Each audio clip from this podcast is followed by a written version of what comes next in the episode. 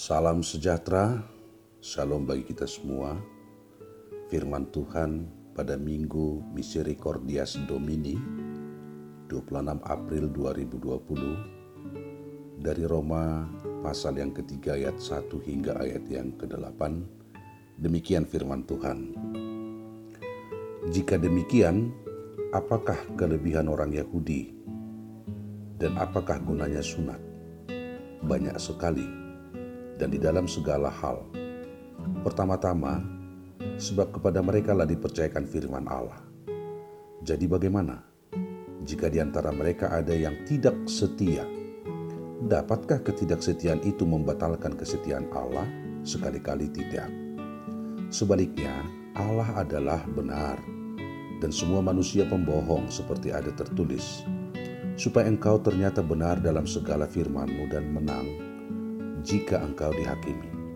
Tetapi jika ketidakbenaran kita menunjukkan kebenaran Allah, apakah yang akan kita katakan? Tidak adilkah Allah? Aku berkata sebagai manusia, jika ia menampakkan murkanya, sekali-kali tidak. Andai kata demikian, bagaimanakah Allah dapat menghakimi dunia? Tetapi jika kebenaran Allah oleh dustaku semakin melimpah bagi kemuliaannya, mengapakah aku masih dihakimi lagi sebagai orang berdosa? Bukankah tidak benar fitnahan orang yang mengatakan bahwa kita berkata, marilah kita berbuat yang jahat supaya yang baik timbul daripadanya. Orang semacam itu sudah selayaknya mendapat hukuman. Demikian pembacaan firman Tuhan. Saudara-saudara, seorang anak yang masih sekolah sengaja tidak mengerjakan tugas dari gurunya. Ia hanya tersenyum melihat teman-temannya sedang berusaha bekerja keras mengerjakan tugasnya. Ia merasa yakin bahwa sang guru tidak akan memarahinya. Kenapa? Karena dia tahu bahwa ternyata guru itu ayahnya sendiri. Namun perkiranya meleset, sang guru tetap menghukumnya. Demikian kita melihat dalam nats ini, meskipun berdosa, orang Yahudi tetap memiliki kelebihan namun kelebihan itu bukan pada diri mereka, melainkan kelebihan itu pada panggilan Allah yang mempercayakan firman-Nya kepada mereka, tentunya supaya mereka bisa menjadi berkat bagi bangsa yang lain. Lalu, apa jadinya jika bangsa pilihan Allah itu gagal melakukan kehendak Allah? Apakah berpengaruh terhadap kasih dan kesetiaan Allah? Tentunya tidak. Kegagalan manusia semakin menegaskan kesetiaan Allah dan begitu besar kesalahan manusia. Namun melebihi daripada besarnya dosa manusia, besarnya pengampunan yang Tuhan berikan. Allah adalah setia, bahkan kesetiaannya mengatasi keberdosaan manusia. Tetapi bukan berarti manusia bisa berlaku seenaknya, bahkan menyepelekan kasih Allah dalam hidupnya. Allah bertindak adil maka dia pasti menghukum manusia yang berdosa. Tetapi jika Allah menghukum manusia, di manakah letak kasih setianya? Karena itulah Allah mengutus putranya yang tunggal yaitu Yesus Kristus untuk menggantikan manusia menerima hukuman. Yesus adalah korban bagi dosa manusia. Yesus adalah wujud keadilan Allah yang menghukum dosa dan menyatakan kasih. Itulah mengapa keselamatan kita hanya ada di dalam Yesus Kristus, dan di luar Dia kita harus menanggung hukuman kita sendiri. Saudara-saudara yang kekasih, kita melihat bahwa setelah mempersoalkan mengenai kesejatian dari orang-orang Yahudi di dalam kitab Roma sebelum pasal yang ketiga, dalam pasal yang ketiga, bahkan setelah pasal yang ketiga, Paulus berargumentasi dengan mereka. Ada tiga hal yang menjadi persoalan dalam perikop ini, yaitu kelebihan menjadi orang Yahudi, kesetiaan Allah pada janjinya, dan kebenaran Allah dalam mengadili dosa. Persoalan pertama muncul karena pada bagian sebelumnya Paulus menekankan pentingnya sikap dan perilaku dalam keseharian sebagai ciri sejati keyahudian dan bukan pada tanda lahiriah sebagai orang Yahudi, misalkan sunat dan lain sebagainya. Pernyataan Paulus ini memicu reaksi keras dari orang-orang Yahudi, sehingga mereka mempertanyakan kelebihan orang Yahudi. Jawaban Paulus tentunya sangat esensial, di mana Paulus mengatakan Allah mempercayakan firman-Nya kepada mereka. Persoalan kedua yaitu mengenai apakah Allah tetap setia jika orang Yahudi tidak setia. Paulus tegas mengatakan, sekalipun orang Yahudi tidak setia, namun ketidaksetiaan mereka tidak dapat membatalkan kesetiaan Allah. Artinya saudara-saudaraku, bahwa ketidaksetiaan orang Yahudi dapat Tuhan pakai untuk menyatakan dirinya sebagai Allah yang benar. Persoalan yang ketiga adalah mengenai melegalkan ketidakbenaran untuk membawa kebaikan. Apakah maksud hal ini? Jika karena ketidakbenaran mereka membawa kebaikan bagi kemuliaan dan kebenaran Tuhan, maka mereka mempunyai alasan berbuat jahat. Terhadap persoalan kedua dan ketiga tersebut, Paulus dengan tegas mengatakan sekali-kali tidak. Menurut Paulus, orang yang berpikir seperti itu layak mendapat hukuman dari Allah. Kesombongan telah membutakan mata rohani orang Yahudi. Dan kesombongan seperti itu boleh terjadi pada saat ini mereka berpikir bahwa status keyahudian dan sunat cukup aman bagi mereka untuk berbuat dosa dan hidup sesukanya. Bahkan menganggap orang lain adalah orang pinggiran, menganggap remeh atas panggilan dan anugerah Allah. Hal itu boleh terjadi pada saat sekarang. Kemungkinan ada banyak tahu tentang firman Tuhan, mungkin ada banyak tahu tentang lagu-lagu rohani, sehingga dengan apa yang mereka tahu itu membuat mereka menjadi sombong rohani, menganggap orang lain lebih rendah dari dirinya, dan menganggap dirinya lebih baik dan lebih rohani dan lebih surgawi dari yang lain, dan mereka menganggap sebuah kelebihan dan keistimewaan dari yang lain. Ini kesombongan rohani, seperti yang dimiliki orang Yahudi. Tapi Paulus menyadarkan mereka bahwa kelebihan keistimewaan itu adalah bukan karena mereka sebagai orang Yahudi, tetapi kelebihan keistimewaan itu ada pada pihak Allah.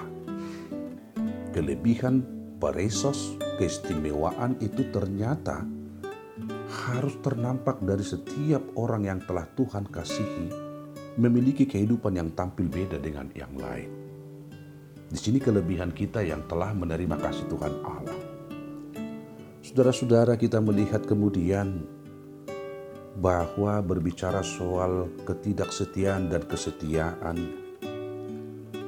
pada saat orang mungkin menghadapi berbagai pergumulan mungkin ada orang berkata di manakah Allah benarkah Allah ada kalau memang benar kenapa saya harus mengalami masalah yang berlarut-larut masalah yang silih berganti Pertanyaan-pertanyaan muncul dalam hidupnya. Di saat pergumulan, tantangan, hambatan, gangguan, rintangan tiada henti dalam kehidupannya. Dia seolah-olah mempertanyakan kesetiaan Allah di dalam hidupnya. Namun benarkah Allah tidak ada? Benarkah Allah tidak setia? Saudara-saudara, mungkin saja ada orang sering menuntut kesetiaan Allah di dalam hidupnya. Namun sebenarnya Sebelum seseorang bertanya dan menuntut kesetiaan Allah, yang pertama yang harus dia lakukan adalah dia bertanya kepada dirinya apakah dia sudah setia kepada Allah dalam segala situasi dan kondisi apa pun.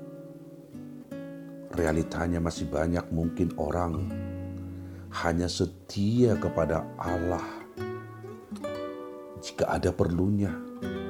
Jika ternyata kemauan kita tidak terpenuhi, maka terkadang kita mulai mempertanyakan kesetiaan Allah. Padahal kita sebenarnya yang mulai tidak setia dan menjauh darinya. Kita sering meremehkan dosa dengan berpikir bahwa Allah Maha Kasih, maka ketika kita berbuat dosa pasti Allah mengampuni kita. Namun saat pengukuhan Allah yang datang, maka kita mulai mengatakan Allah tidak setia. Padahal sebenarnya Allah tetap setia.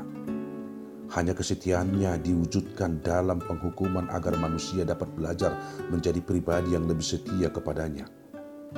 Rasul Paulus menasehatkan bahwa Allah setia dengan umatnya. Ia selalu hadir dalam setiap detik kehidupan umatnya. Allah ada dan selalu ada. Namun sikap manusia cenderung lebih sering mengeluh daripada bersyukur dan membuat hidupnya tidak dapat merasakan kesetiaannya. Sudahkah hari ini senantiasa diisi dengan ucapan syukur kepada Allah? Atau lebih banyak keluhan dari kehidupan kita?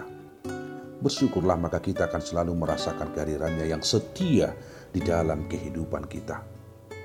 Saudara-saudara melalui nats ini kita diajak dan disadarkan dikayakan bahwa dalam kondisi apa pun Allah itu ada. Dalam kondisi apa pun Allah itu setia.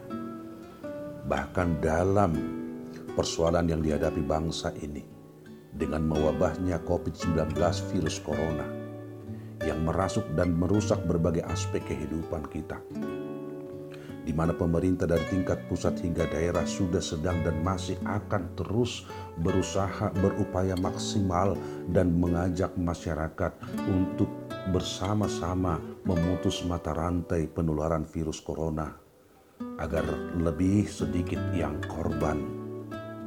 Nah, tentunya di sini kita arif dan bijaksana dengan menyadari bahwa kita diberikan Tuhan akal budi, iman dan kepercayaan tentunya kita semakin dicerdaskan, dikayakan.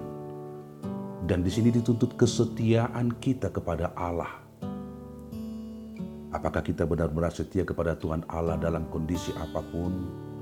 Dan kesetiaan itu juga ternampak di dalam mana kita mau mematuhi segala anjuran-anjuran pemerintah kita, anjuran para pemimpin, para pelayan kita di gereja. Misericordias Domini, bahwa bumi ini penuh kesetiaan Allah. Allah tetap setia.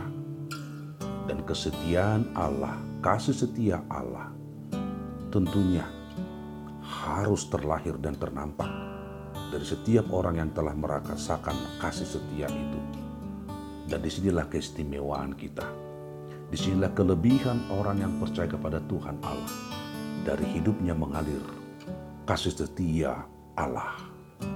Kasih setia Allah ternampak dari hidupnya di mana hidupnya menjadi berdampak dan berguna bagi orang lain dan bukan hanya bagi dirinya sendiri.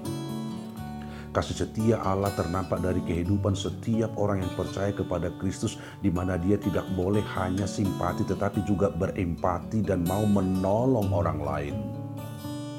Karena kita merasakan berkat dan pertolongan Tuhan, maka dari kehidupan kita akan terlahir pertolongan, kesetiaan, kasih itu kepada orang lain, kepada sesama kita. Ini yang Tuhan inginkan dari kehidupan kita. Oleh sebab itu saudara-saudara dalam keadaan apa pun, kita disadarkan seperti orang Yahudi. Kita tidak ada yang luput dari keberdosaan. Tetapi ingat, tidak ada juga artinya kita menyombongkan sesuatu.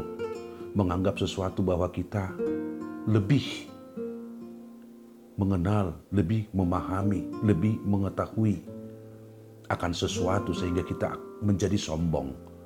Tetapi orang yang telah merasakan kasih setia Tuhan, hidupnya senantiasa di dalam kerendahan hati. Orang yang merasakan kasih setia Tuhan, hidupnya selalu waspada, hidupnya selalu bersyukur. Dan dengan itu dari hidupnya mengalir kasih setia Tuhan itu juga bagi sesamanya kapan saja, dan di mana saja. Amin. Tuhan Yesus memberkati kita. Shalom.